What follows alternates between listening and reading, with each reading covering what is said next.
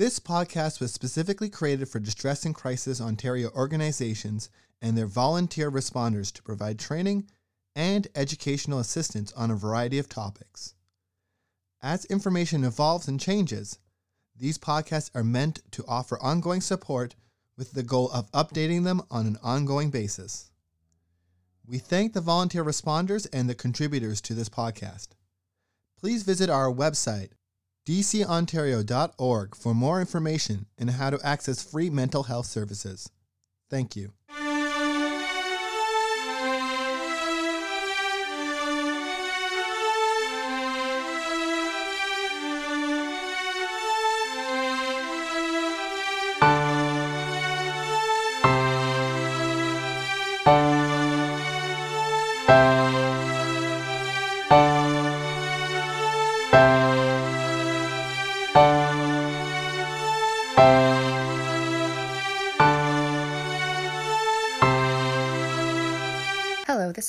Plant, Program Coordinator for Distress and Crisis Ontario, and for this week's podcast, I'm joined by Glynis Burkhalter, Program Director at Ray of Hope in Kitchener, Ontario. Thank you for coming on the podcast. Could you please start by giving me a brief overview of what Ray of Hope does, specifically when it comes to your youth addictions treatment program? So Ray of Hope does lots and lots of things, and our um, youth addiction uh, pro- treatment program is uh, a, one division of a fairly complex, multifaceted organization. So within Youth Addiction Services, we have four programs that I get to oversee. Um, we have community treatment for 13 to 21 year old youth, um, where we provide services for free. And then uh, people who are 22 and over can still continue to access services from us on a fee for service basis. So, this program is designed for people who are living in the community and want um, counseling and psychotherapy related to their substance use or other um, other dependency kind of behaviors. Uh, during COVID, we're delivering this through um, in person in our office and through phone and video conferencing. And once COVID is under control, which we hope will be very soon, um, we will return to delivering this as a mobile service where we do continue to meet people in our office, but we also go out into the community and meet with young people in their schools, in their homes, at local coffee shops where they're comfortable and uh, they're not required to travel to us. Then we have a day treatment program, which is also for youth who are 13 to 21. And in that program, the youth are with us for the length of a school day, which is five hours Monday to Friday. And they usually attend a minimum of one semester. Um, we collaborate with the Waterloo Region District School Board to deliver formal education component as well as recreation and then group and individual counseling.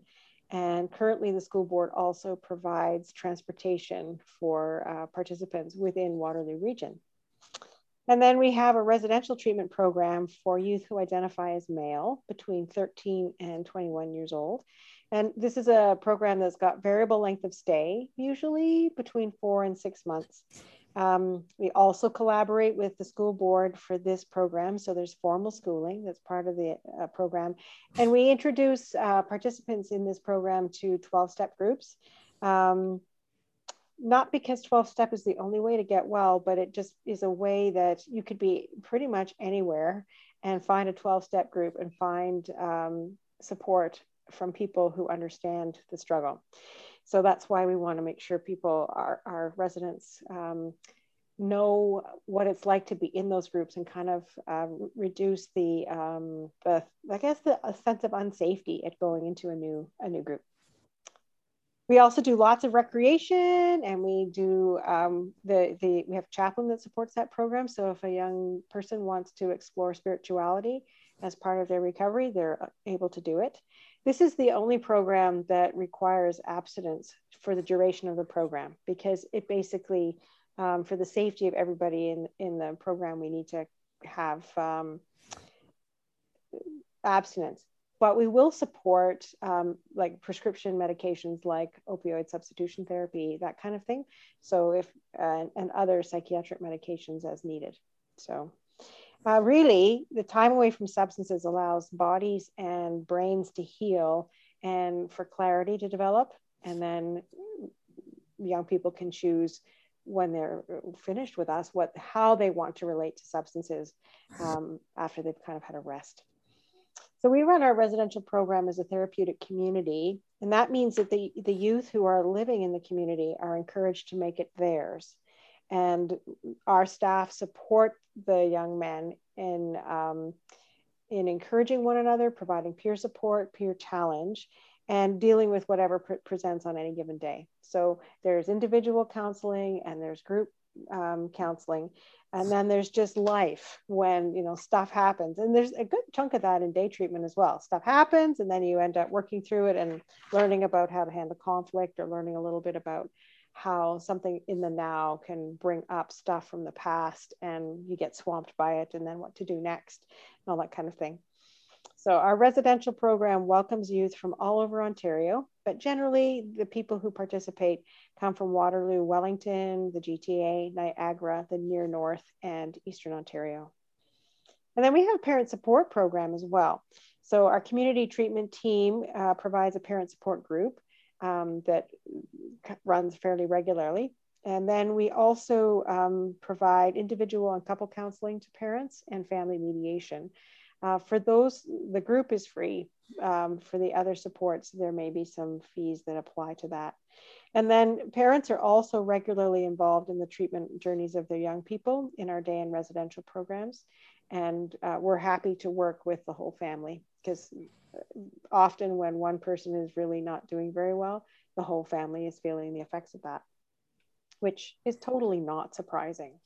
so uh, we take a harm reduction view. So um, we, we understand that substances are part of an escape hatch. And when you take all of a sudden all substances or all of, all of the behaviors we use to escape from distress away suddenly, that can leave us feeling um, like beached whales, panicky, really distressed.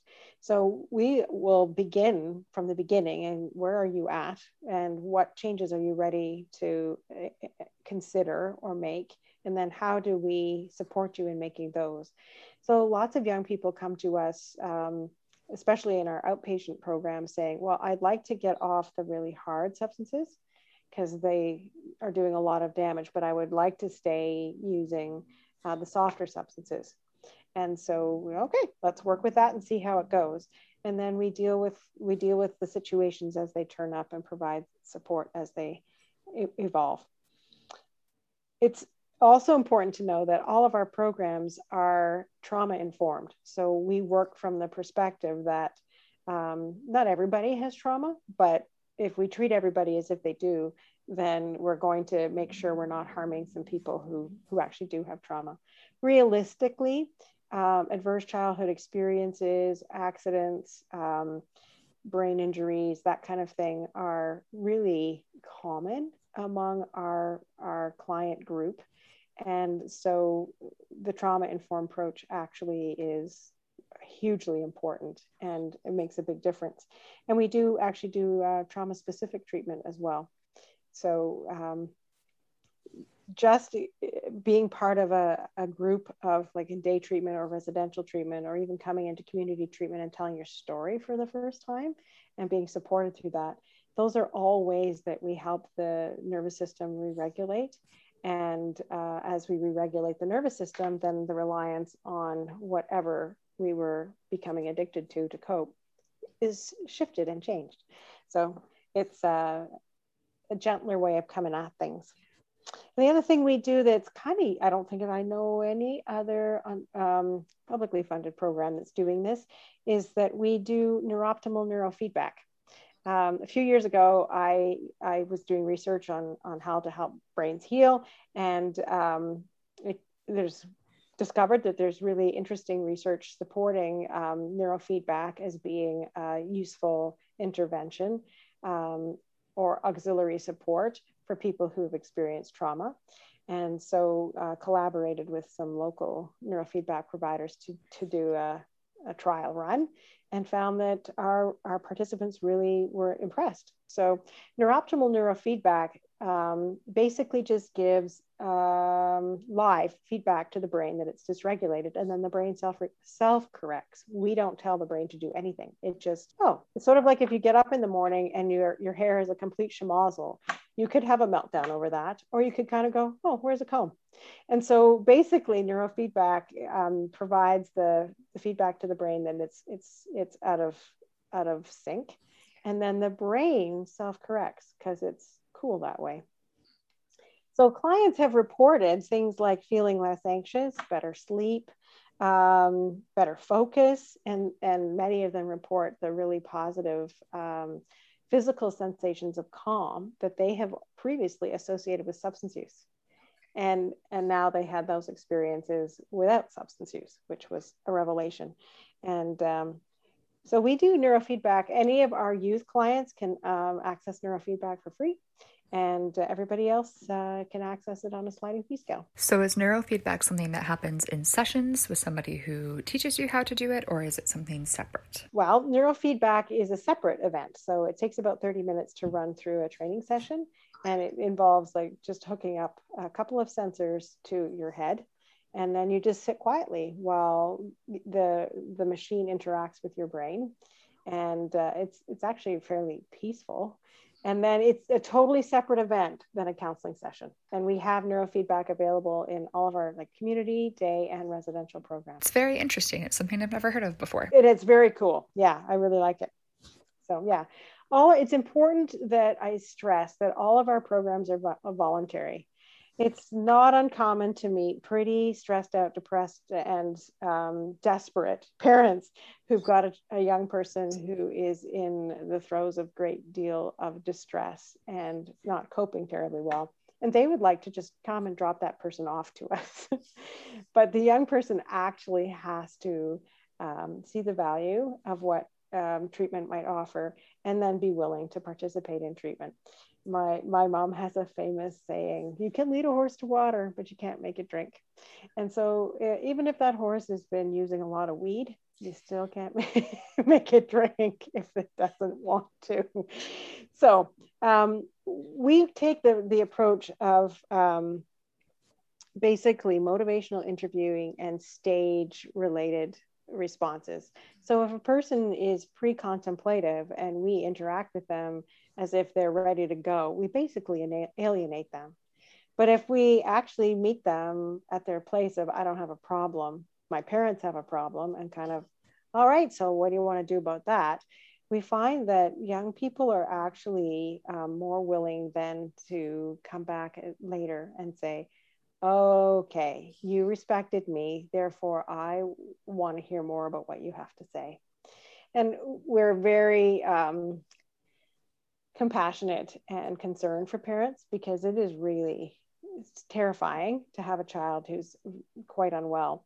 And that's why we have parent support because actually parents do need support. It is a very lonely, um, there's a lot of self judgment and a lot of outside judgment as well that's directed at parents when their kids are not doing well.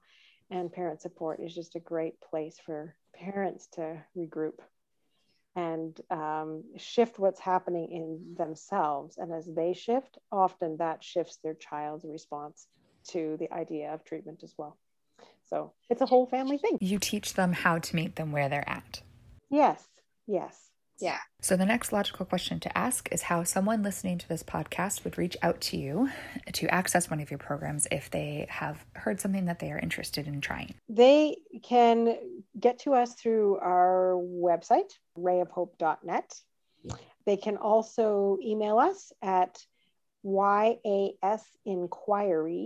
at rayofhope.net, or they could phone us at 519 743 2311 extension 516. Is there a wait list for your programs? Um, right now, there is um, a short wait list for residential.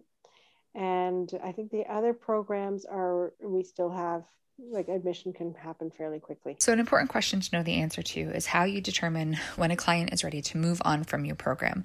Uh, based on what we've already talked about, I assume that it's very client driven in that you're not going to continue to treat someone who feels like uh, they don't need to be treated any further. Um, but how do you come to the decision that, yeah, someone is ready to move on? Well, there's there's other things. Uh, so knowing somebody's ready to to leave treatment ready to graduate we'll call it it's it, you're right it's not a one size fits all. When we recognize that uh, problematic substance use or other addictive behaviors or other dependencies are escape hatches like they really are the the ways that our bodies discover to um, give us a break from suffering right so if we're we're feeling overwhelmed in one area of our life, then a substance or a, a video game or chocolate cake or potato chips can all provide um, a period of, of ex- an experience of, of relief and calm and distraction or oblivion, depending on what you're using. Right. And I, I think most of us know that feeling of you know, I feel so awkward about a party. I think I'd like to get something on board first, or I'm so stressed out. I, am just going to focus on a video game, or I'm going to read a book all day, or I'm going to eat a whole lot of food. And most of us, if we're honest, recognize that most of us do that at some point.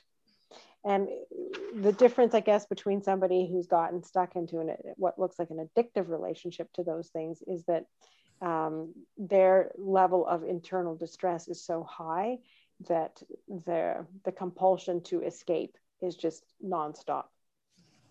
The, the tough thing about addiction too is that the more it, it initially tells us, hey, see, you can get out scot free, there's no pain here. But then it actually adds newer layers of pain. So that basically we know somebody doesn't need us anymore when they've learned how to notice they're uncomfortable and they've developed uh, and consistently use their harm reduction skills and their safer coping skills um, that they've they've been able to bring some healing into their relationships so that they have a circle of support around them that they know how to use and they do use in order to deal with the crappy days and they have developed some self-compassion for themselves. They're engaged in activities like work or school and um, they can handle the stress of those kinds of things. And um, they have a discharge plan that's going to support them as they move forward. Uh, and it, i mean none of us have all of our poo in a tidy pile all the time. No one. Like it, that just doesn't exist. But we aim for having most of it in a relatively under control pile most of the time and then days when it escapes from us and we have the skills for kind of marshaling it back. It makes poo sound alive, but anyhow, and, and there are days when that's exactly how it feels. the poop is following me. so fair enough. And youth who graduate from our residential and day programs can actually link into community treatment and so and continue with community treatment as long as they're participating and it's useful for them. And then youth who are actually from out of region then as they are preparing for discharge from residential we would be working with um, resources in their home communities so that they have a counselor and they have a circle of support when they go home. And that's all that's all the introductions have happened. There's already connection happening so, unsurprisingly, it sounds like you have very good plans in place to support someone who's moving out of your program. Do you have any additional resources that you could suggest outside of your program for someone who is looking either for help for themselves or for someone that they know? Um, a couple of things. So, in most areas of Ontario, there is um, some kind of access uh, point for the local addiction and mental health services. Mm-hmm. So locally, it, in in Waterloo region and Wellington, it's um, here twenty four seven. Yep. And uh, so basically, if you're concerned, you can go in through there, or you the internet is a great place to find resources. When it comes to um, looking for something that you can access that's a bit more peer oriented or community based then um, the 12 step groups like AA, NA, Al Anon, and Alateen are, are are very useful. Mm-hmm. I know that there are people who say those groups just don't work for me. Fair enough. It's the one size fits all thing, right? Mm-hmm. Fair. Um, but for the people where it, it does work, there's a group everywhere and most days of the week. And um, it's all peers, people who also understand the struggle and have uh, taken it on and, and made some progress.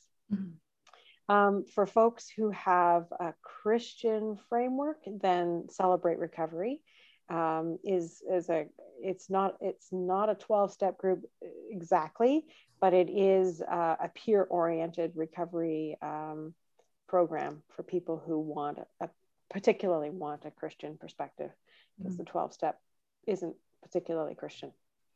Um, and then I, when I was looking at this, I was like, oh, I can think of a whole bunch of books, but I, I, really don't think a podcast is a place to list off a bunch of books. Um, but certainly, if you go to your local library and you check in what's in their in their in their card catalog or their online catalog, you'll find all kinds of really lovely stuff um, written by thoughtful people who are in recovery or about recovery and reading through the internet is uh, or through actual books mm-hmm. a really useful way yeah. for many people to connect with ideas that are new.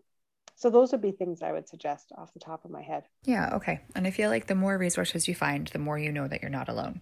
That's the huge part. And i think for it's been surprising because the young guys in um, residential and even at times we've taken our day treatment group to 12 step groups one of the things they they consistently report even if they don't like the idea of 12 step but they go because the whole community is going they come to appreciate the humanity of other people and to realize that there's a community of people getting well.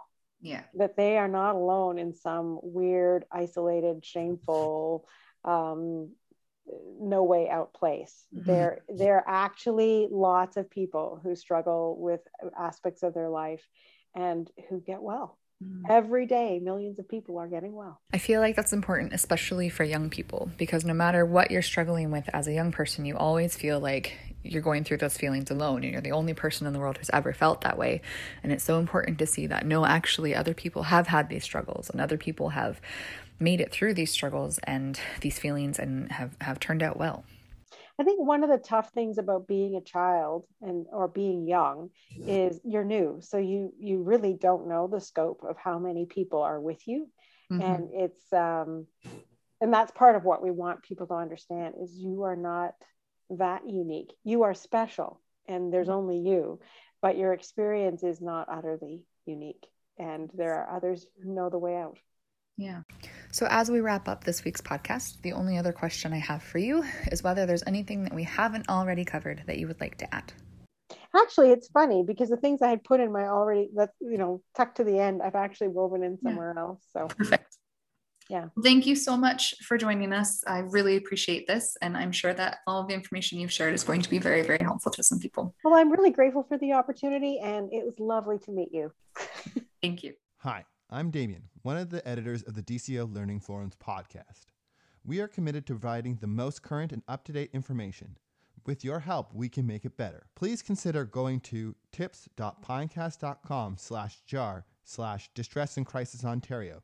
And by donating, monthly contributors will be able to access a special podcast feed. In it, we'll have additional content and some more in depth pieces on some of our most popular topics. Thank you.